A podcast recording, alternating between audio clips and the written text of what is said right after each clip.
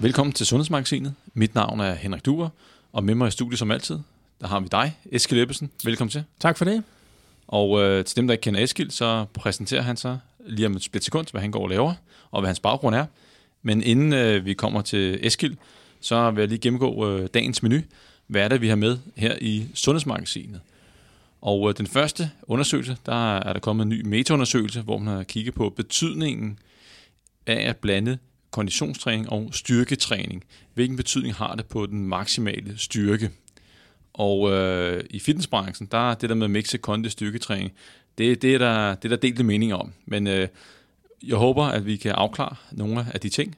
Og så øh, er der måske dagens øh, kioskbasker, og øh, måske min favorit, det er øh, optimal træning til vægttab. Og der har vi sørget også fat i en ny metaundersøgelse, hvor man har kigget på betydningen af kondi og styrketræning, og ikke mindst øh, at mixe øh, dem. Hvad er det mest anbefalesværdige i forbindelse med vægttab? Så øh, hæng fast der. Så skal vi kigge lidt på koffein og, og fedtforbrænding. Vi var lidt inde på det i øh, forrige podcast, hvor vi kiggede på koffein og præstationsevne, og øh, så vi, vi tager lige en op her, hvor at, øh, vi kigger på en undersøgelse eller en artikel fra videnskab.dk. Og så skal vi kigge på, jeg tror faktisk, det var din favorit, Eskild, da jeg nævnte over telefonen, så udtrykte du i hvert fald begejstring for det der med, at et simpelt trick fik erhvervsskoleelever til at købe sundt. Ja. Et simpelt trick. Og øh, det, det er jo ret interessant, øh, det her, og jeg giver dig fuldstændig ret, det, det, det er spændende.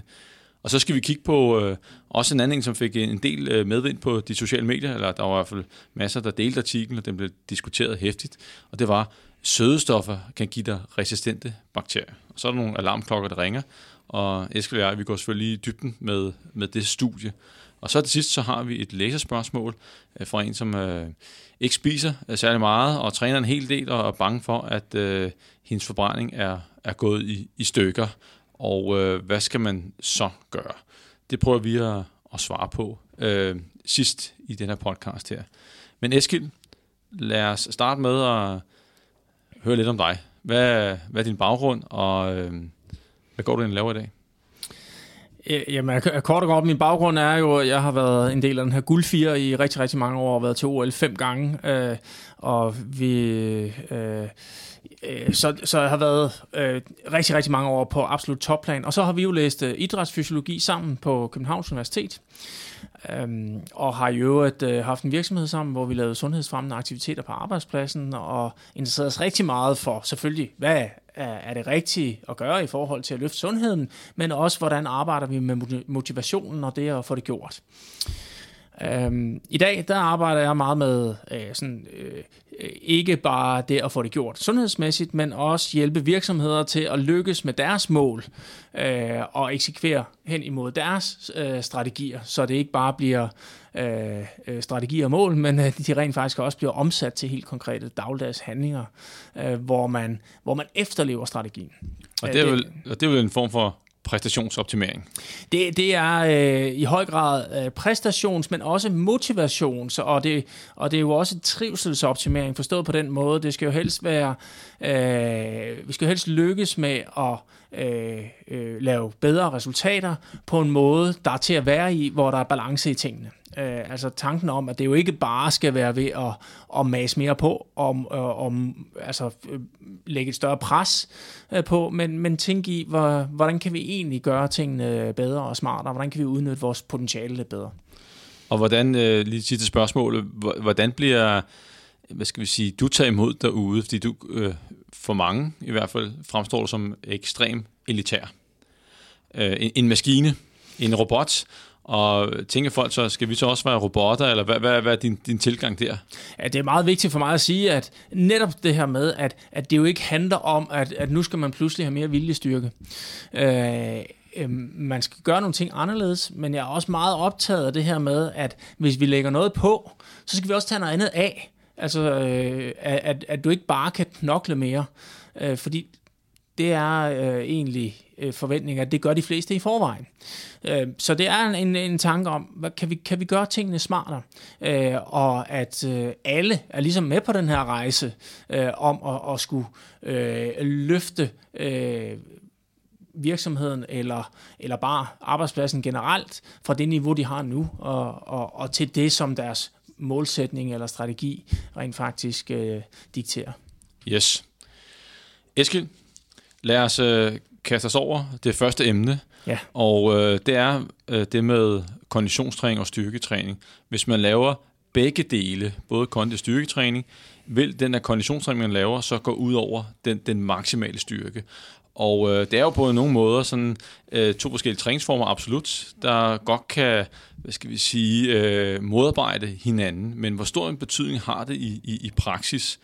Og øh, den her metaundersøgelse og review, vi, vi har, har kigget på, der har de taget øh, 27 studier, og, øh, og et af kriterierne er, at de kun har kigget på øh, styrketræning for, for underkroppen, og øh, så er der ikke noget overkropstræning med det her. Det, det er vigtigt at, at få med, og det er også her, de, de, det ene sted, hvor de har målt på styrken, det har været en af M i øh, eksempelvis øh, squats øh, og benpres. Og så har, i, ud af de her 27 studier, så har de forsøgt at opdele dem i, øh, i trænet og moderat trænet, og så, øh, hvad skal vi sige, måske mere trænet. Det er simpelthen, de har tre kategorier. Og, øh, og lige inden vi begynder at tale om resultaterne, Eskild, altså, øh, når vi kigger på deres opdeling, lige når man kigger der og siger, det giver da meget god mening, og sige, at vi har nogen, der er utrænet, moderat trænet, og, og så rigtig trænet. Men, men lige når man kigger på, hvilke kriterier der er for at være trænet, så, så, så, ja, så bliver vi en lille smule skeptiske. Ja, præcis, fordi at det var, at de bare skulle have lavet styrketræning i tre måneder. Øh, og det er, jo, det er jo ikke det, vi sådan normalt forbinder med trænet. Det er, at, at man træner øh, på, på sådan et rimelig seriøst niveau, og har måske gjort det i flere år i træk. Øh, så det her med, at man bare lige har skulle være i gang i, i, i tre måneder, det, øh, øh der, der er i hvert fald plads til en kategori over den, og måske endda en til over det her. Så, så det er ikke, vi kommer ikke, når vi kommer til at sige træne, så er det ikke øh, veltrænet folk. Så det er det for folk, der har trænet, øh, hvad skal jeg sige, var det minimum øh, tre måneder. Og den utrænede kategori siger sig selv, du er selvfølgelig, der, der træner man ikke. Men den, de kalder for moderat trænet, der, der har man jo øh, trænet i stedet mellem 0 til 3 måneder. Og det er så, man tænker, jamen, er man så trænet? Der, der, er, man, der er man nybegynder. Så, øh, så det er ikke super veltrænede folk, vi har med at gøre her. Det er ikke det, de har kigget på. Og, og en af årsagen er, at der, der findes måske ganske få studier øh, på lige netop den gruppe her, hvor man har kigget på både kondi styrketræning sammen og set, hvilken effekt det, det har på den maksimale styrke. Men øh, resultatet, Eskild, det er, hvis vi lige øh, spoler frem til det, Ja. Hvad, øh, hvad, hvad tænker du om det? Var, var der en effekt? Går det ud over ens maksimale styrke, hvis man er utrænet, og man starter med at lave både kondi og styrketræning? I samme træningspas? Ja, det, det kan man jo sige, at det har man jo vidst, øh, eller i hvert fald øh, haft en formodning om, at det, øh, at det gjorde. Det er der nogle studier, der har vist, at, at det kompromitterer hinanden. Det, det modvirker ligesom hinanden. Øh, øh, men faktisk viser det her studie, at de utrænede og de moderat trænede øh, har ikke nogen konsekvens af at lave konditionstræning sammen med deres øh, øh, udholdenhedstræning altså i, i mere eller mindre samme træningspas. Øhm, de bliver faktisk lige så stærke. Øhm, der er... Øh, øh, en, en lille smule øh, på de moderat trænede, men det er ikke noget, der er øh, statistisk signifikant. Øh, altså man, dem, der laver konditionstræning, de fik, øh, de fik ikke, øh, hvad skal man sige, når man kigger hardcore på gennemsnittet, øh, så, så så fik de ikke helt samme effekt, men statistisk set, så, så uh, slår den altså ikke ud. Hvorimod, at det gjorde den uh, på de trænede, uh, som så i det her tilfælde, uh, uh, sådan, det vi så måske ville kalde let trænede, uh, de, uh, der var altså en konsekvens. Men konsekvensen uh, af at lave uh, styrke- og konditionstræning sammen, uh, var der faktisk kun, hvis de lavede det uh, umiddelbart i forlængelse af hinanden, altså under 20 minutters øh, pause, kan man sige. Hvorimod var der mere end to, to timers pause, jamen så fik de her trænede faktisk også samme styrkefremgang, ved, øh, selvom de lavede konditionstræning, også i forhold til, hvis de lavede samme styrketræningsprogram alene, og ikke lavede konditionstræning. Og det er, jo, det er jo interessant, og hvis vi lige starter med øh, de, de utrænede og måske uh, let trænede, det, eller det vi kalder for moderat trænede, den undersøgelse her, så kan man også godt forestille sig, at når man er helt ny, helt grøn, så uh, er Øh, styrkefremgang er, er jo relativt hurtigt, når man starter op med styrketræning. Der, der sker så meget med øh, i, i vores øh, nervesystem, som øh, du også selv har nævnt, inden vi startede, at der en ting er, at der er noget koordination, der skal på plads. Øh, og så er der øh, hele det øgede neurale drive, som, øh, hvor der er en, en, øh, altså en, en stor effekt, bare det at gå i gang. Det går rigtig stærkt i, i starten. Og der kan man også godt forestille sig, at hvis det udgør øh, langt det største af styrkefremgangen i en begynderfase, ja. øh, så er det jo ikke sikkert, at øh, konditionstræning har, har nogen effekt der. Negativ effekt. Nej, præcis. Altså øh, forstået på den måde, at det neurale fylder meget i starten. Øh, når du så ligesom har fået koordinationen på plads, og det øh, neurale netværk er sådan ved at være trænet godt op, jamen så er det primært muskelvolumen, som udgør din, din forbedring. Øh, og øh, det kan man jo sige, når man først har trænet i, i de her øh, ja, tre måneder, så, så begynder det jo sådan primært at være muskelvolumen, som skal udgøre den største del af, af den fremgang, du får. Øh, og der, der ser det altså ud til, at øh, konditionstræning øh, kompromitterer øh, ja, styrketræningen.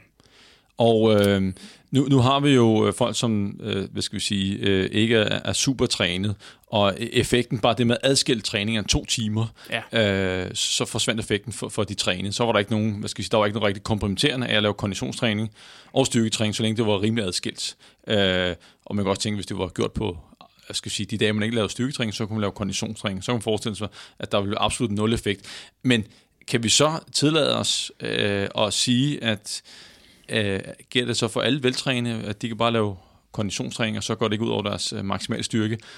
Hvad tænker Ej, du det? Øh, ja, så det, det, det, vil, det vil være en lidt, øh, lidt frisk konklusion, øh, fordi der, altså det, jo mere øh, udholdenhedstræning du laver, og jo mere styrketræning du laver, jo mere vil det selvfølgelig arbejde mod hinanden.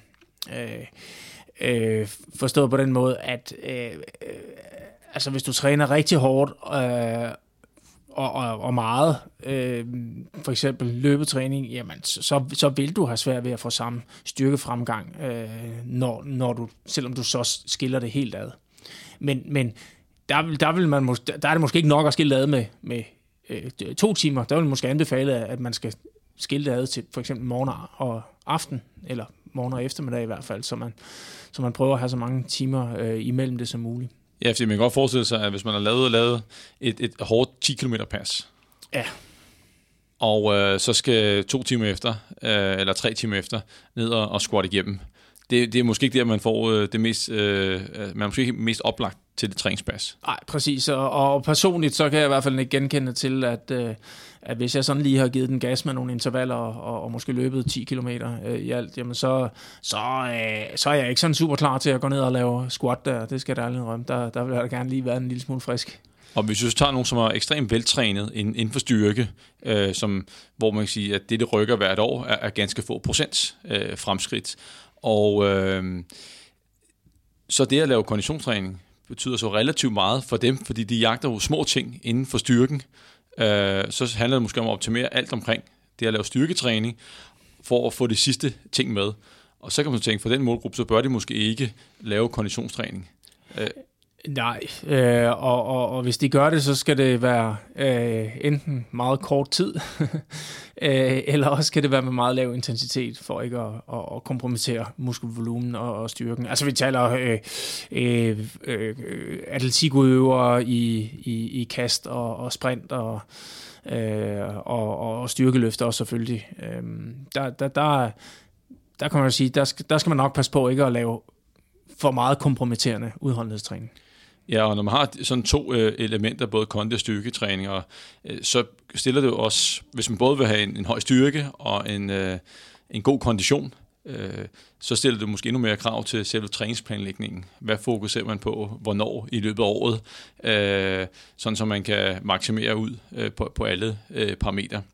Ja, og, og en lille ting, som øh, lige inden vi, vi runder af her, øh, det vi selvfølgelig ikke ved så meget om, det er, hvad, hvad vil der ske på overkroppen? Vil det hele taget have nogen betydning, at man laver konditionstræning, som sidder på en cykel, og så øh, kort tid efter laver noget for overkroppen, fordi det er jo ikke de samme muskler, der er involveret.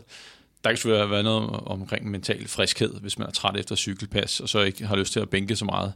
Øhm. Præcis, og der, og der kan også være noget udtrætning og noget, i noget hormonproduktion og så videre, noget testosteronspejl øh, og så videre, hvis man lige har givet den fuld gas på cyklen. Øh, øh, men øh, når, hvis, når det så er sagt, så skal man jo sige, at øh, styrketræning har effekt. Øh, Og øh, hvis man nu ikke dyrker, øh, hvad skal man sige, elite øh, styrketræning af en eller anden slags, øh, jamen så er det jo en rigtig en god anbefaling, at man både laver styrketræning og konditionstræning. Og øh, for nogens vedkommende, jamen så handler det om, at hvis man kan komme afsted til fitnesscenter tre gange om ugen, og det er ligesom der, hvor man ligesom kan, kan, kan overskue det, og det er der, hvor man ligesom har sat tid at træning, så sker der altså ikke noget ved, at man laver begge dele. Man får stadigvæk en rigtig, rigtig fornuftig øh, styrkefremgang, også selvom man laver konditionstræning øh, den samme dag. Så der er ikke noget, det er ikke sådan, at, at øh, så får man ingen fremgang. Man, man meget forskelligt, hvor, hvor meget det er, men, men altså man får måske øh, 70, 80, 90 procent af den fremgang, man ville have fået, hvis ikke man havde lavet sin hårde konditionstræning ind. Ja, og hvis man nu er så er ligeglad med, øh, hvilken konditionstræningsform man laver, om det er cykling eller løb, så kan man forestille sig, at øh, i hvert fald at cykling ikke er så belastende øh, muskulært. Der er ikke noget eksentrisk arbejde, der gør, at man kan blive træt, så det vil sige, at øh, måske har det at lave konditionstræning på cyklen måske mindre impact på ens maksimale styrke.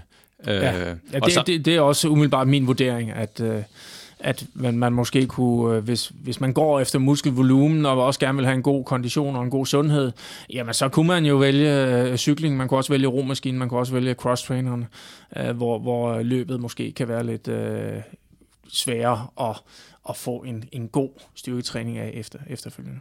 Yes. Så hvis, hvis vi skal rundt den af, så for almindelige mennesker, der træner for, for sundhed og, og velvære, og også måske at være en lille smule stærkere, jamen så bare mix. Det betyder ikke så meget. Men går man ekstremt meget op i den der maksimal styrke, så, øh, så skal man være opmærksom på, hvornår man laver konditionstræning, hvilken type, øh, hvor meget, øh, og alle sådan ting. Øh, fordi der kan være en, en negativ effekt, også kun fordi, øh, øh også blandet fordi, at de har jo ikke kigget på super veltrænet her. Det, det, det kunne være interessant at se på nogen, som måske har trænet 5 år, 10 år, øh, og jagter marginalen. Hvad vil det betyde at inddrage konditionstræning her? Eskild, vi skal videre. Jeps. Den optimale træning til vægttab, Eskild. Det lyder lidt spændende, gør det ikke? Jo, det gør det. Også fordi, at øh, altså, lige i går, da vi talte sammen over telefonen, der spurgte jeg dig også, øh, findes der nogle officielle danske anbefalinger, motionsanbefalinger til folk, der er overvægtige? Altså vi har det normale sundhedsråd, og så er der nogle øh, guidelines med hensyn til generelt sundhed og fysisk aktivitet. Og øh, du har ikke fundet noget? Nej, altså ikke specifikt på, hvordan skal man motionere, hvis man skal tabe sig. Øh, men der er åbenbart nogle internationale guidelines, som vi ser her, som hedder 300 minutter med moderat intensitet om ugen altså svaren til cirka de her 5 timers træning, er sådan set øh, anbefalingerne. Øh, og det er jo det, der er lidt interessant ved det her studie. Det stiller de jo spørgsmålstegn ved, om det rent faktisk er det optimale. Ja, fordi det er jo lidt unuanceret. De, de har jo bare tænkt i, i kalorieforbrænding. Ja.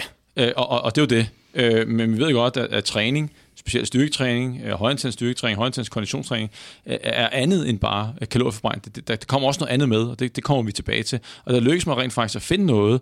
Øh, altså, jeg ved godt, at det er et spørgsmål om ressourcer og alle de andre ting, men, men vi har alligevel en, en, i den voksne danske befolkning, der er altså mere end halvdelen, der, der er overvægtige.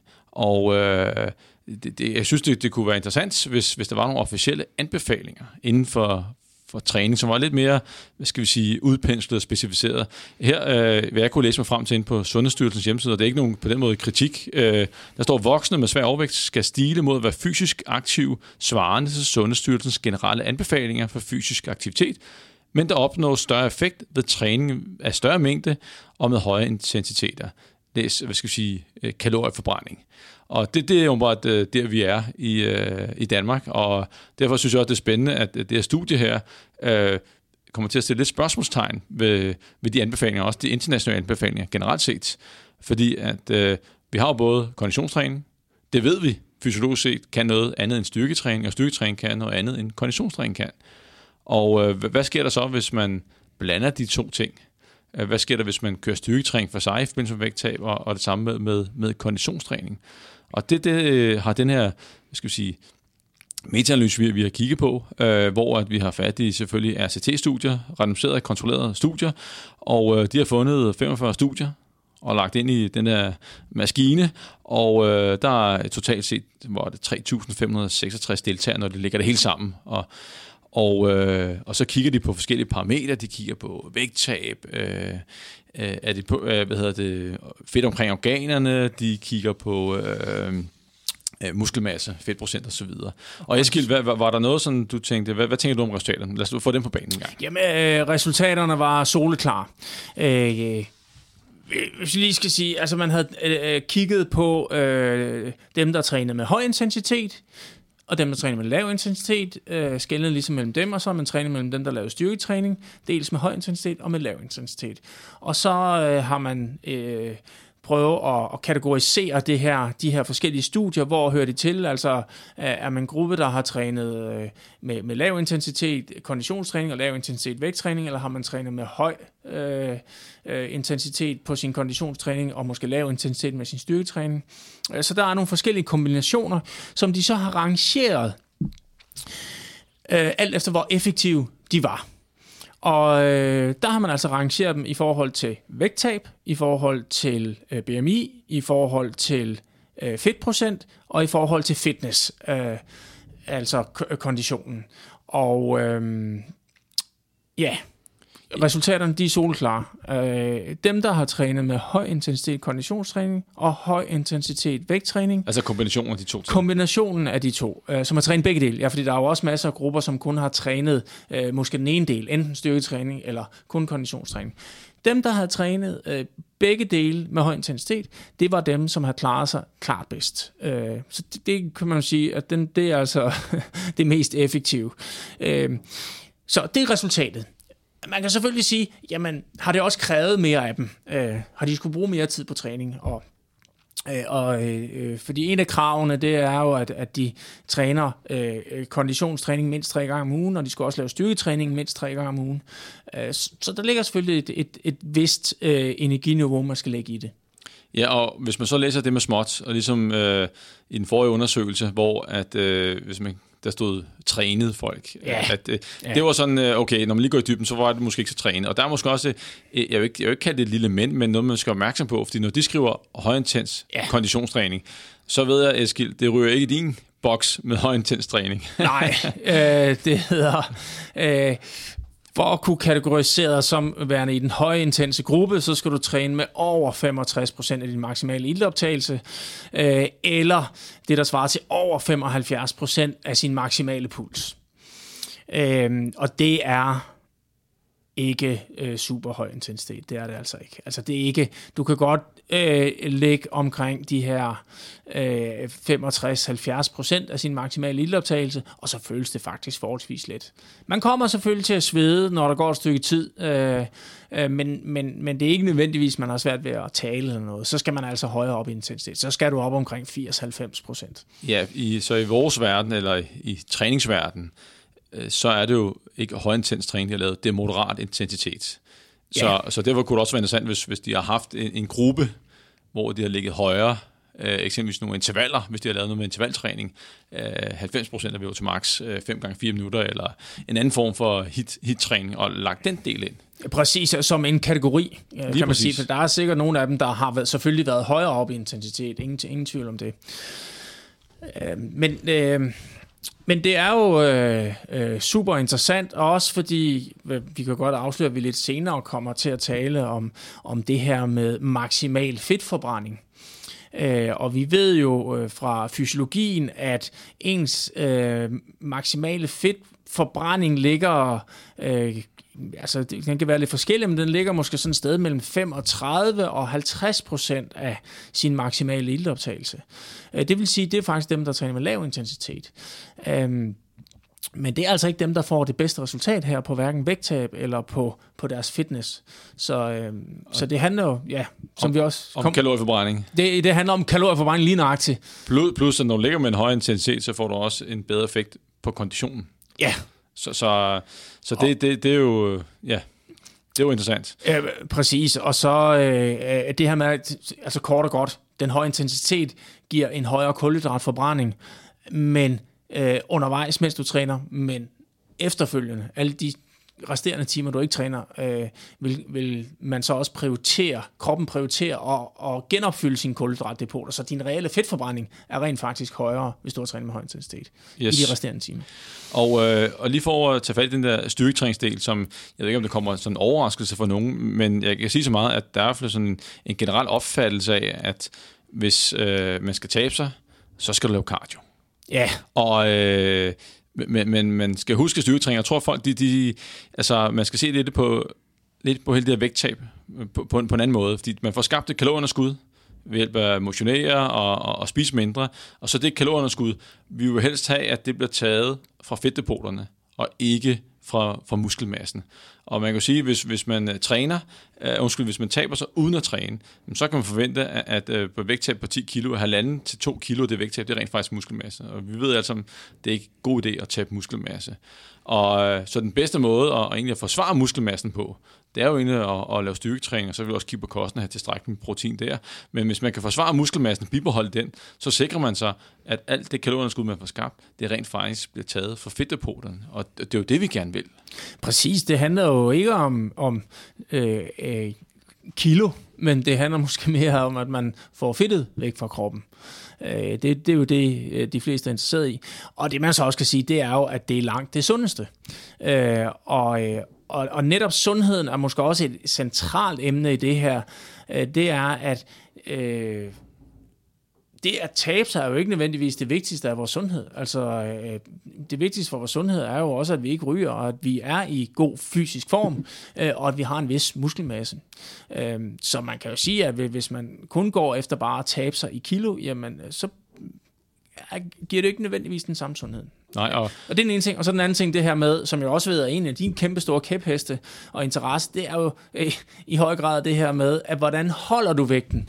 Øh, og det vil jo... Øh, øh, kan man sige, øh, har interesseret os for i, i rigtig lang tid, det er jo ikke kun, hvordan vi taber os. Øh, det viser sig jo faktisk, at det nærmest er den letteste del af det. Det sværeste, det er at holde vægten. Og det er jo da klart, at hvis man har været vant til at træne, øh, og øh, ovenikøbet købet øh, har fået lavet et vægttab og holdt på sin muskelmasse, så vil du også simpelthen have en højere forbrænding. Øh, og hvis du er i god form, når du så motionerer, vil du også have muligheden for at forbrænde mere. Fordi der er altså en sammenhæng mellem, hvor god kondition du er i, og hvor mange kalorier du rent faktisk er i stand til at forbrænde. Yes, og som du også siger, det der med, at, hvis man taber muskelmasse, så går det ud over ens øh, basal forbrænding, hvileforbrænding, og det er jo nedtur på den lange bane, at, at du har færre kalorier der. Og plus, at vi ved, at tabt fedtmasse kan være med til at øh, accelerere sulten, eller påvirke sulten i en negativ retning. Øh, man ved lidt mindre om det i forbindelse med muskelmasse, men man kan godt forestille sig, at tabt muskelmasse, ligesom tabt fedtmasse, også er en driver for sult. Øh, så lad os for guds skyld øh, hvad skal vi sige, bibeholde så meget muskelmasse som overhovedet muligt. Og øh, så vi er jo glade for, at der kommer en undersøgelse, der hvad skal vi sige, understreger, at det er en rigtig god idé at inddrage styrketræning, hvis man vil have det optimale setup i forbindelse med sit vægttab. Øh, men så skal vi lige huske motivationsdelen med, og så sige, jamen øh, når man skal i gang, så hedder du den, den bedste motion, den er begjort, og hvis man er til gåture, øh, så er det her, man starter. Men, men man skal også lige vide, når man har de anbefalinger, jamen hvis man har mod på det, jamen hvad er så det optimale at gøre? Men, men alt andet end at sidde i sofaen. Altså alt den motion, du kan lave, om det gåtur, øh, zumba, øh, fitness, vil altid være bedre end at sidde i sofaen. Præcis, og, og, og Henrik, du nævnte jo også lige det her med needs, altså det her med vores øh, aktivitetsniveau, når ikke vi træner. Øh, der, der kan jo faktisk være den her konsekvens, at hvis man træner meget og hårdt, øh, og måske oven i købet er øh, på kalorierestriktion, så kan man jo blive fristet til at lægge sig på sofaen, eller øh, sidde helt stille, når ikke man synes, man skal træne. Øh, og så kan man faktisk ende op med øh, ikke at have en større forbrænding, når man kigger over sine 24 timer, øh, selvom man træner, hvis man så ligger tilsvarende mere stille i de resterende timer. Øh, så, så det er jo et vigtigt også at være opmærksom på, at man stadigvæk holder sig i gang, når ikke man træner, hvis man gerne vil holde den samme kalorieforbrænding. Eller, eller have en øget kalorieforbrænding. V- vigtig pointe, fordi også hvis man træner tre gange om ugen, og man, hvad så med de andre fire dage? Øh, eksempelvis er man så inaktiv der, øh, og, og de dage, hvor man træner, hvad gør man så resten af dagen? Og det er sindssygt vigtigt at øh, holde øje med den need, for ellers så er der en risiko for, at man går ned på den. Øh, så det er selvfølgelig en parameter, man skal kigge på ved siden af. Og NEAT, det er hverdagens småbevægelser, øh, antal skridt, cykling til og fra arbejde osv. Og, og samlet set over en hel uge, øh, så er der også masser af kalorier at hente der. Ja. Eskild, ikke mere om øh, træning og, og vægttab. Nu skal vi til øh, koffein og fedtforbrænding. Inde på videnskab.dk, øh, som jeg følger, de har mange gode, interessante nyheder derinde, der var der en artikel, hvor overskriften den fanger mig. En stærk kop kaffe øgede mænds fedtforbrænding under træning. Og da jeg læste den første gang, og det var en af årsagen til, at jeg tog den op, øh, der stod der også, at der var gode nyheder, hvis man gerne ville smide coronakiloen lidt hurtigere. Og øh, så tænkte jeg, ah, det er måske at stramme den lidt. Og øh, da jeg så øh, skulle læse op på den igen, så har det jeg vil sige, gudskelov, havde det ændret den overskrift. Og øh, der stod, det var en overfortolkning, overfortolkning, studie om, han er ikke vægttab, hvilket øh, også er blevet præciseret i, i, i teksten. Så, øh, så lige for at øh, slå fast, som øh, det kan godt være, at studiet viser en, en lille effekt på fedtforbrænding, men, men samlet set er, er betydningen så lille, at det reelt set ikke har nogen betydning i, i praksis. Så øh, koffein, koffein i forbindelse med vægttab, det, det er reelt set øh, ligegyldigt. Men vi havde jo lidt om koffein, Eskild, ja. i den forrige podcast, og på præstationsevnen, lige for at runde den op, øh, eller runde den af, så, så har det jo en effekt på præstationsevnen. Ja, det har det, og det viser det her studie også. Øhm, jeg kunne godt tænke mig lige at kommentere det her med, at man har overfortolket på den reelle undersøgelse. Øh, det er jo ikke første gang, det sker. Øh, og øh, der er jo også den her psykologi, at, at vi jo mange gange leder lidt efter øh, det, som vi allerede tror på i forvejen, og så kommer vi måske nogle gange til at, at lave nogle lidt forhastede konklusioner. Øhm, øh, så, så det er jo fint, at der lige bliver øh, korrigeret, og, og vi prøver at blive klogere på, hvad er egentlig sandheden? Og det, og det er lidt ærgerligt, at, at altså der, der er jo lidt, undskyld jeg siger det, lidt, lidt clickbait over det her. Øh, og, øh, og det er lidt ærgerlig, at videnskab.dk øh, laver sådan en overskrift, kan man sige. Men, ja, men til gengæld er jeg glad for, at, at de efterfølgende har retten til. Ja, præcis. Man kan sige videnskab.dk. Altså, øh, det, det navn, det forpligter jo i høj grad. Ja, absolut. Ja. Jeg øhm, afbrød dig, sorry. Ja, ja men øh, øh, det er så fint. Og øh, ja, jamen altså, øh, det der var interessant her, det var, øh, øh, jamen altså i princippet øh, to ting fandt øh, man ud af. Altså, øh, øh, dels øh, det her med, at øh, koffein, jamen det øgede simpelthen øh, præstationsevnen. Man fik en, en højere maksimal ildoptagelse, altså simpelthen bedre kondenstal, når man blev øh, målt om aftenen, testet om aftenen, i forhold til hvis man blev testet om morgenen, skråstrej om formiddagen. Øh, og det skal også lige siges, at øh, det var faktisk et, et forholdsvis øh, rigtig godt kontrolleret studie, hvor, hvor de fik nogle standardmåltider og så videre, så, så man ligesom fik øh, en kontrolleret mængde kulhydrat, protein og fedt i sin kost, fordi det påvirker jo også øh, fedtforbrændingen og, og, og så videre og så videre, og også præstationsevnen i den sidste ende. Desuden, øh, altså det her med, øh, de præsterede bedre om aftenen i forhold til om morgenen, og koffeinen lavede så også den her forbedring. Øh, hvis de i, i det ene tilfælde havde fået placebo, og i det andet tilfælde havde fået koffein, svarende til 3 gram per kilo, øh, altså 3 milligram per, per kilo lemsvægt, øh, som også er, er sådan det, man anbefaler, hvis man skal have en effekt, øh, mellem 3, 3 og 6 milligram. Øh, og det øh, fuld, fuldstændig tabellen. De blev bedre. Lige sådan en, en indskudt bemærkning her er jo også, at, at øh, det, man præsterede dårligere om morgenen, det kunne man så kompensere for øh, ved at tage koffein. I forhold til, så kunne man præstere det samme, som man gjorde om eftermiddagen uden koffein. Men så kunne man så få den, den bedste kombination var eftermiddag med koffein. Øhm, der står også beskrevet i artiklen, at øh, for meget trænet, øh, der, øh, der kunne man altså ikke øh, der så man altså lige så gode resultater om morgenen som om eftermiddagen. Øh, men der er en forklaring på, at man måske har lidt højere temperaturer og så videre øh, øh, om eftermiddagen, som gør, at man simpelthen er, er bedre i stand. De forbrændte også mere fedt om eftermiddagen. Og den intensitet, hvor de havde deres maksimale forbrænding, var også højere. Men som vi lige var inde på tidligere, så øh, har det egentlig ikke så stor betydning for vores øh, vægttab øh, og så videre, hvor meget fedt vi forbrænder undervejs, øh, fordi vi jo bare forbrænder øh, mere fedt i de resterende timer, hvis vi har tømt ud i vores kulhydratdepoter. Jo højere intensitet vi træner med, jo mere forbrænder vi kulhydrater, men det skal vi ikke være bange for, øh, fordi det gør jo bare, at det vi spiser rent faktisk kommer ud i musklerne, så det vi forbrænder er fedt. Men interessant nok, at øh, det her med om eftermiddagen, at øh, det gjorde stor forskel. Det var i hvert fald noget, der overraskede mig. Jeg ved ikke med dig, Henrik. Jo, øh, jo det var en, øh, nu er jeg mest fokuseret på, på selve vægttabet og, og, og fedtforbrænding, hvad der egentlig stod der. Så øh, egentlig havde jeg ikke, at når du siger det, så, jo, så er det faktisk lidt overrasket over, at, at der er den effekt. Men øh, jeg tænker ikke, at vi skal bruge mere tid på koffein. Nej. Og øh, nu havde vi også koffein sidste gang, og jeg lover, at der kommer ikke noget om koffein i den næste podcast, vi laver. nu har vi haft nok om det i det næste lange stykke tid. Eskil, nu er det tid til øh, den, du var mest begejstret for, øh, den artikel, eller den nyhed.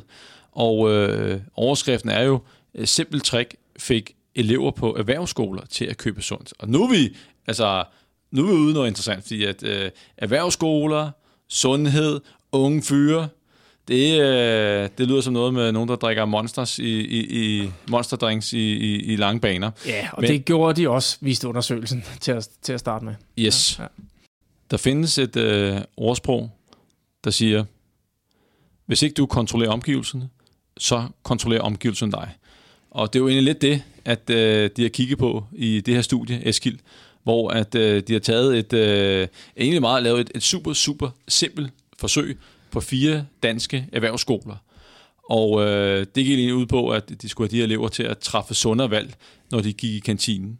Og øh, i de fire kantiners køleskab, der stod sodavand og energidrikke i elevernes øjenhøjde.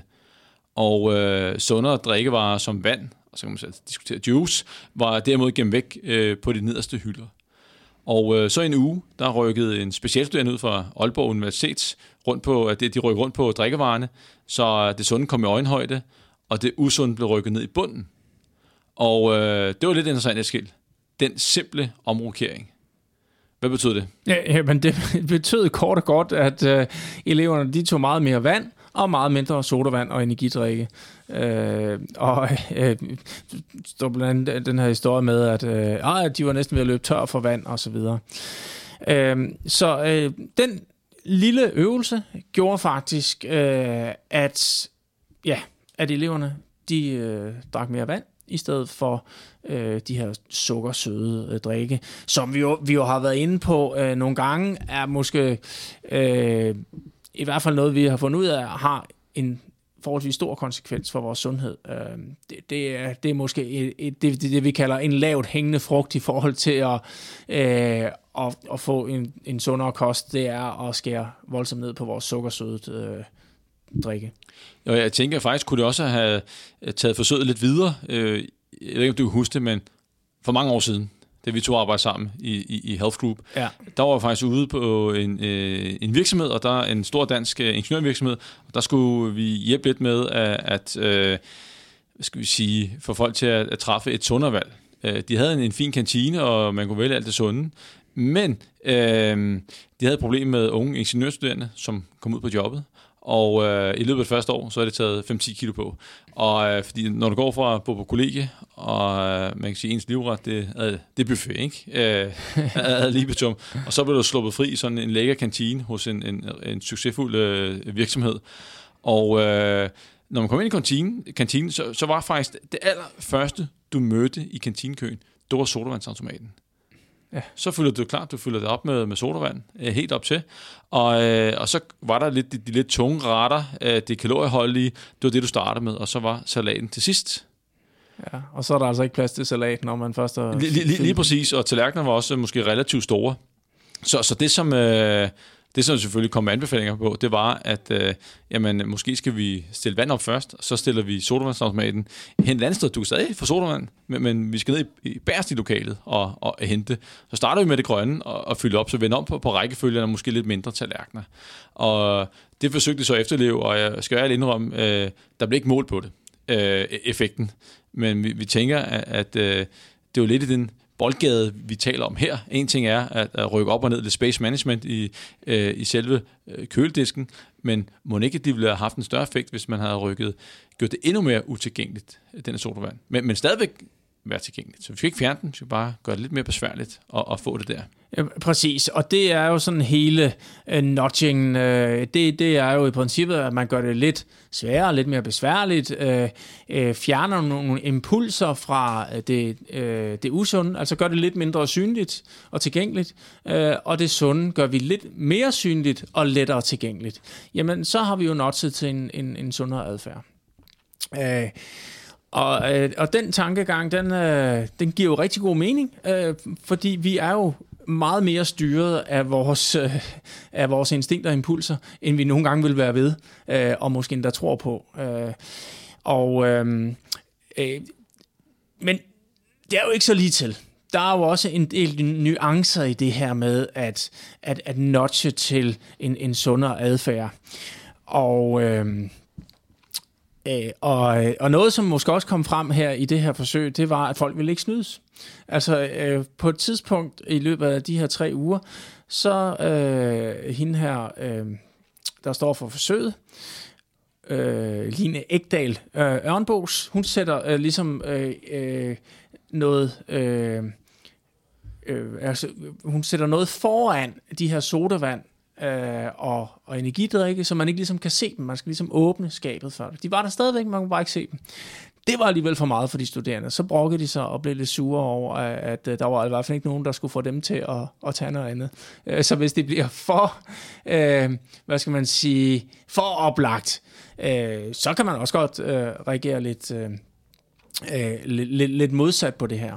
Ja, det var interessant, at der kommer ja. sådan en modreaktion. Jeg, jeg, jeg blev også lidt overrasket, da, da, da jeg læste, og så er det selvfølgelig bare bedre at hoppe tilbage til den anden løsning, hvor at, øh, ikke var klar over, at man manipulerede med dem. Præcis. Øhm, men når man tænker i notching, så, øh, så skal man jo både tænke, øh, så er der jo den, den, det kortsigtede resultat, men der er også den langsigtede. Øh, og, øh, og det er jo her, hvor det begynder at blive sådan lidt mere besværligt. Altså, hvad er det så, man skal gøre? Øh, for, for, for rent faktisk også at lykkes på lang sigt. Uh, hvis man havde fortsat i mere end tre uger, hvor var man så stille og roligt gået tilbage til at, at finde ud af, at man jo bare kunne, kunne bukse uh, øh, uh, fordi man var altså godt lige have den der energidrik, eller vil man rent faktisk fortsætte med at, uh, at drikke mere uh, vand end, end det, det melder historien ikke noget om, og det ved vi ikke noget om, men, men der er ingen tvivl om, at, at det at flytte omgivelsen, det virker. Øh, og, øh, og, og, og sådan i mine øjne, og som jeg også kan forstå i dine øjne, Henrik, jamen, så er det jo en, en, en fantastisk let ting, der gør, at, at vi kan lykkes med det her. Men der er altså noget kritik af det her fra Lonnie Letterer, øh, der er lektor på Aarhus Universitet, øh, Institut for Sundhedsfremme, som ikke mener, at man bare kan, kan lave de her quick fixes, fordi øh, at man har ikke lært noget. Øh, og det kan man jo sige, at man ikke har lært noget. Øh, men jeg synes også, måske det er lidt naivt at bare tro på, at, at man kan informere folk, og så tro på, at de ændrer adfærd. Fordi det vi jo så ved i dag, det er, at vi er jo enormt styret af vores instinkter og impulser og vores automatiserede tanker øh, og vores vaner og, og så videre, når vi skal tage valg i dagligdagen, og specielt vores, vores kost. Så, øh, så det er jo ikke nødvendigvis, at vi bliver øh, tager klogere valg, bare fordi vi bliver klogere. Øhm, det er jo faktisk, viser det sig helt ned til 1-10% af vores valg i dagligdagen, der er rationelt overvejet. Og hvis man bruger mange af sin 1-10% kapacitet på at koncentrere sig om sit skolearbejde og sin eksamen osv., så, så kan det godt være, at man slår den ned på autopiloten, når man alligevel skal hen og, og have noget at drikke, og man bare er tørstig. Ja, og så man kan sige, at hvis øh, det bare handlede om information, så ville alle jo være sunde, slanke, lad være med at køre for stærkt, lad være med at ryge, have et fornuftigt alkoholforbrug, osv. osv.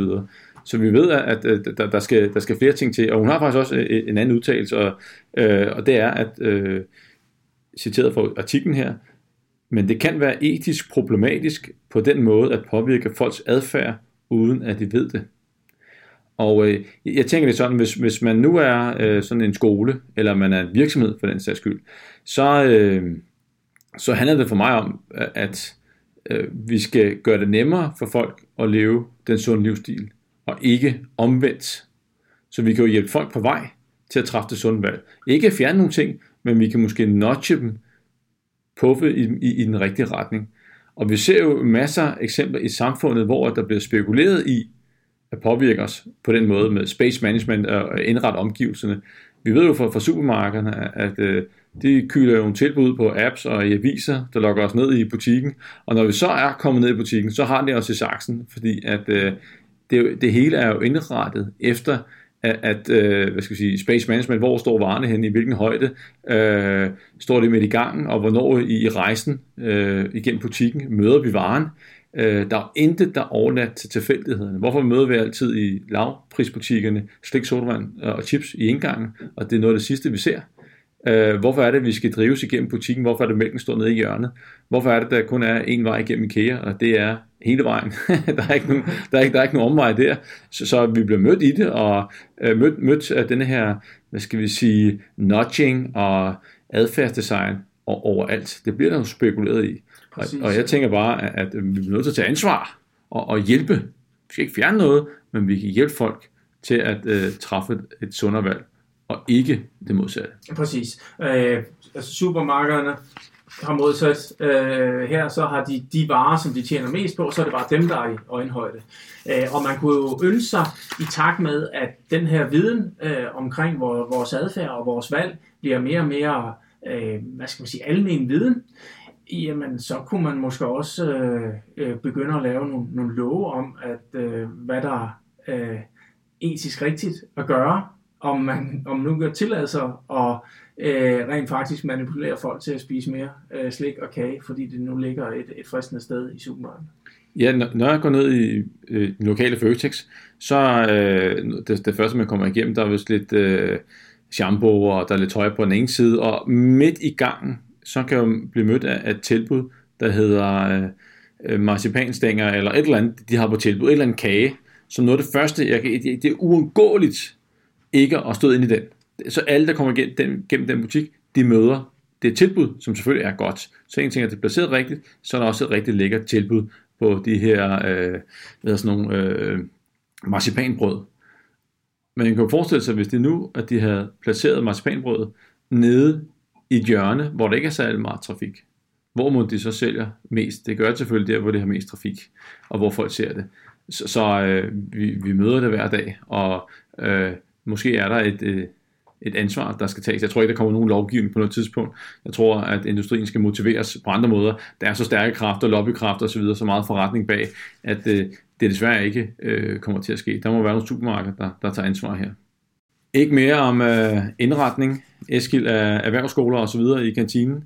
Nu skal vi til øh, et andet øh, emne, og som måske er endnu mere øh, sprængfarligt. Det er noget med light sodavand. Overskriften, øh, jeg fandt, det var inde på DR.dk. Den lyder som, drikker du meget light sodavand? Spørgsmålstegn. Sødestoffer kan give dig resistente bakterier. Og så, øh, så ringer alarmklokkerne, og det er i hvert fald noget, som øh, får en masse folks opmærksomhed, fordi at rigtig, rigtig mange drikker light sodavand, og man er selvfølgelig nervøs for at få resistente bakterier. Så de laver koblingen af light og resistente bakterier. Og der tænker jeg, når man lige går i dybden, Eskild, med den her artikel her, så er der måske lige at, at twiste lidt. Der er lidt clickbait i den her overskrift her. Ja, det er der. Øh, fordi som, øh, hvis man lige går lidt i detaljer, så øh, kan man sige, at den her effekt på bakterierne, den, øh, den er lavet i laboratoriet. Øh, og, og, og som der også øh, øh, skriver her, der sker altså ikke helt det samme i, i, øh, i tarmen. Øh, altså, der er altså en del andre faktorer, der spiller ind. Øh, bakterierne, øh, eller sødstofferne, bliver blandt andet fortyndet på en helt anden måde. Øh, og øh, det man også kan sige, det er, at øh, små mængder har altså ikke særlig stor betydning. Øh, som der også øh, bliver sagt her øh, i artiklen af øh, Hanne Ingmer, at øh, hvis du får sødestoffer hver dag eller hver anden dag i 30 år, kan det måske skabe en effekt på bakterierne i din tarm. Øh, så et, et sådan almindeligt moderat forbrug af kunstige sødestoffer, øh, det er nok ikke det, der har den store betydning det har øh, også, hvad du ellers spiser, har selvfølgelig betydning. At, at du ikke øh, for eksempel får for meget sukker og for lidt kostfiber osv. det har måske virkelig en langt større skade. Øh, det man i hvert fald kan sige omkring light, øh, det er, man skal i hvert fald ikke begynde at drikke sukkersøde sodavand i stedet for. Og så, så, bliver det, så bliver det værre, så har vi en helt anden øh, problemstilling. Præcis. Og, øh, og nu understreger jeg lige, at der stod, at hvis du drikker let øh, til moderate mængder dagligt, så kan det have en negativ effekt, som hun, som hun fortæller. Og understreg kan, fordi man ved det ikke. Det, det, det forsøg er jo ikke lavet. Men bare fordi det er lavet i et laboratorie, og øh, det ikke er på mennesker, og det er nogle andre mængder, skal man så bare parkere øh, den viden, vi har fået, at det måske kan give resistente bakterier. Hvad tænker du?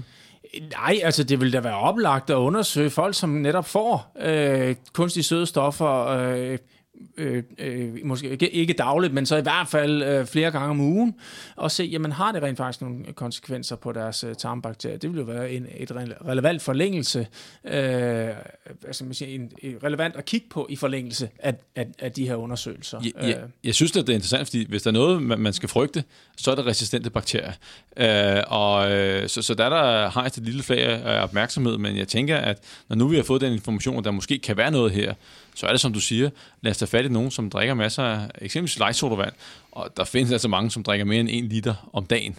Ja. Og, øh, så, så det vil lige at tage en, øh, en, en prøve af, af tarmfloren, og så tjekke deres bakterier. Så tror jeg, at øh, man vil kunne se, altså holde op mod nogen, som ikke drikker light sodavand, og så se, hvad er der med resistente bakterier, og også, hvordan ser tarmfloren ellers ud. Ja. Det, det, det, det, det, må, det synes jeg, det er en opfordring herfra, det må være, være næste skridt. Så kan vi i hvert fald få øh, i hvert fald en, en ekstra indikation på, er der noget i den her sag eller ej. Præcis, og hvis man gerne vil være better safe than sorry, så kan man altså begynde at drikke lidt mere vand i stedet for øh, kunstige sødestoffer. Præcis. Nok om øh, lejesoderne, Eskild. Ja. Vi skal til øh, det sidste øh, punkt øh, på dagsordenen, og det er et, øh, et læserspørgsmål. Vi har fået et spørgsmål fra en 25-årig kvinde, som øh, har tabt sig en, en del kilo og følger en, øh, hvad skal vi sige, en very low calorie diet. Og så er vi nede omkring 800 kalorier og, og derunder. Hun øh, tæller kalorier live som, og hun går øh, 10-15 km om dagen og styrketræner fem gange om ugen. Og øh, hun er så nervøs for, at hun kommer til at tage det hele på igen. Og hun spørger, om hun realitet, om hun har smadret sin, sin forbrænding. Hun ligger altså bare det at tage 100 kalorier på, så stiger hendes vægt. Og hun er meget træt i sin hverdag, hun har ingen energi, det kan vi godt forstå, at han får så få kalorier, og træner så meget, og jeg tvinger mig selv gennem min motion samt træning. Jeg er så desperat, hvordan skal jeg få min forbrænding op at køre igen? Jeg kan jo ikke nøjes med de der få kalorier resten af mit liv. Hilsen, den fortvivlede. Og øh, det, øh, det er jo en, en klassisk situation, det der med, at man har, har tabt sig, og øh, man så ikke længere, skal vi sige, skal tabe sig, og egentlig skal tilbage til et normalt niveau med hensyn til kalorierne. Og der er jo altid en evig frygt for, at man kommer til at tage det hele på igen. Og Eskild, når man nu øh, går op i kalorier, specielt når man har været så langt nede som, som denne person her, en very low calorie diet, og man måske blindt kigger på vægten, så er det jo fuldstændig uundgåeligt, at vægten, altså den, den kommer jo til at stige, uanset hvad man gør. Det er jo helt naturligt, og den skal også stige, når man går op i kalorieskild. Jamen, det skal den. Øh, og, øh, og, og det, der sker, når man øh, er i kalorieunderskud, øh, jamen det er jo, at øh, ens depoter, øh, af, af, af kulhydrater, blandt andet, altså i musklerne og i leveren, vil også være lidt lavere. Altså de vil være sådan lidt, lidt tømte hele tiden, hvis du er i, i kalorieunderskud.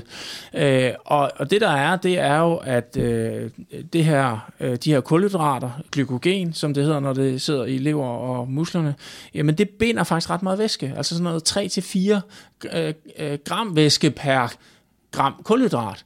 Øh, så man kan jo godt forestille sig netop det her med, at begynder man bare at spise sig i energibalance, så kan man tage øh, faktisk øh, måske øh, to kilo på, øh, selv for en mindre kvinde øh, øh, i, en, i en periode, fordi at øh, musklerne og leveren vil jo nærmest fungere som sådan en svamp, hvor de tænker, åh oh, okay, nu skal vi suge noget kulhydrat til os. Men vi skal huske på, at væske og øh, glykogen, det er jo også fedtfri masse. Det er jo altså ikke fedt, man tager på. Øh, så øh, man kan sige, at hun skal jo acceptere, at den reelle vækst stiger, øh, og øh, det vil altså være meget, meget lidt fedt, hun tager på, for ligesom at, øh, øh, hvis, hun, hvis hun, kan, hun kan tillade sig at spise væsentligt mere af min vurdering, øh, øh, uden at tage særlig meget på i fedt. Hun vil selvfølgelig stige lidt, lidt i vægt, øh, og hun kan måske ovenikøbet øh, opleve, at hun stiger meget i starten, men så faktisk kan tillade sig at spise mere for at holde vægten. Ja, og man kan sige, at øh, det som også sker, hvis man har fuldt sådan en very low calorie diet, øh, kraftig kalorieunderskud, ikke særlig meget protein, så er der også røget noget muskelmasse. Og så når personen begynder at gå op i kalorier, og der måske også kommer mere protein, så udover at vi vil binde mere glykogen og væske, så vil der også langsomt komme mere muskelmasse. Og der vil komme mere, hvad skal vi sige, øh, mad i øh, vores mavetarmsystem. Alting kommer til at veje, og som du har sagt, det, det er jo ikke fedt, der, der, der, der kommer på her. Så det skal man ikke være nervøs for. Og øh, så hvordan skal man gribe det an? Jeg vil sige, at, øh, man kan jo prøve at Øh, selvfølgelig kan man ikke bare sige, gå op øh, på det dobbelte med det samme. Det burde de måske gøre, og mere til, men der er også noget mentalt her, øh, hvis man skal have folk med. Man kan jo starte med at øge med 100 kalorier, måske hver 14. dag, og så se, hvad, hvad der sker. Øh, og i, i det, du får mere energi, jamen, øh, i, i kosten, flere, flere kalorier, så får du måske også energi i din hverdag, og som vi har talt om, så kan det være, at NEAT går op, træningsindsatsen går op, og så forbrænder man ekstra kalorier her, så det, det hele øh, skal nok komme til at gå godt. Og så er det bare om at fortsætte med at øge stille og roligt, så man, man får sig selv med. Og så tror jeg, at man, hvad skal vi sige, øh, vil opdage, at, at øh, man kommer relativt langt op i kalorier, uden man egentlig begynder at tage fedtmasse på. Præcis. Øh, og, og så det her med at prøve at se det her med muskelmasse som en meget, meget positiv ting, øh, som både øger forbrændingen, men også dit velvære og din sundhed. Øh, og øh, og øh, hun går de her 10-15 km om dagen, øh, måske i takt med, at hun spiser mere og får mere energi, øh, så kan hun måske begynde at, at, at lægge lidt, øh, måske en lille smule øh, højintens træning ind, som kan give noget konditionsforbedring, øh, og også få velvære der øh, igennem. Og så kan man jo sige, det her med at ligge på en meget, meget lav øh, kalorieindtag om dagen, så er der også en risiko for, at man simpelthen ikke får nok øh, øh, øh, af, af forskellige mineraler og, og vitaminer og, og kostfiber og så videre og så videre. Øh, øh, frifede syre, og, øh, eller hvad hedder det, ja, omega-3 fedtsyre og så videre og så videre, som gør, at, øh, øh at det selvfølgelig også påvirker energien og trætheden. Og, og man kan sige, at når man også går frem med måske med, med 100 kalorier øh, og om hver anden uge, jamen, så er der jo grænser for, øh, at man kan jo lade den køre et par måneder i overskud, og så vil man stadig ikke tage særlig meget fedt på. Så, så øh, øh kom ind og så øg øh, mængden af, af, af kalorier stille og roligt, og så, så er jeg overbevist om, at det nok skal løse sig. Men selvfølgelig kan forbrænding være utrolig presset, hvis man har kørt i, i så lang tid med, med, med så få kalorier, og... Øh, men det skal nok komme tilbage igen. Det kan godt være, at der, der går nogle måneder inden. Vi har set, øh, nu, eller jeg har set nogle studier på nogle fitnessatleter, som har været meget langt nede i fedtprocent op til en konkurrence. Og der går altså lige et stykke tid, inden deres stofskiftehormoner er, er tilbage igen. Øh, men det kan lade sig gøre. Det kan også lade sig gøre for hvad skal vi sige, folk, der har haft øh, anoreksi. Jeg så på et tidspunkt et, et tværsnitsstudie, hvor at, øh, man har kigget på raske folk, som har haft øh, anoreksi tidligere, som nu er blevet raske og har opnået en, en normal øh, kropsvægt. Så sammenlignet med deres forbrænding med folk, som altså bare sund og raske har været det hele livet, og de forbrændte lige mange øh, kalorier. Så, så forbrændingen skal nok komme tilbage, men en langsom opstigning også for at få, hvad skal vi sige, kroppen og, og det mentale med. Det må næsten være anbefalingen herfra. Ja. Eskil, der var ikke mere her, og øh, jeg vil sige tusind tak, fordi du gad at dukke op endnu en gang og deltage i, i Sundhedsmagasinet. Selv tak. Endnu en gang fornøjelse. Og så vil jeg sige tusind tak til alle jer, der lytter med. Vi høres ved.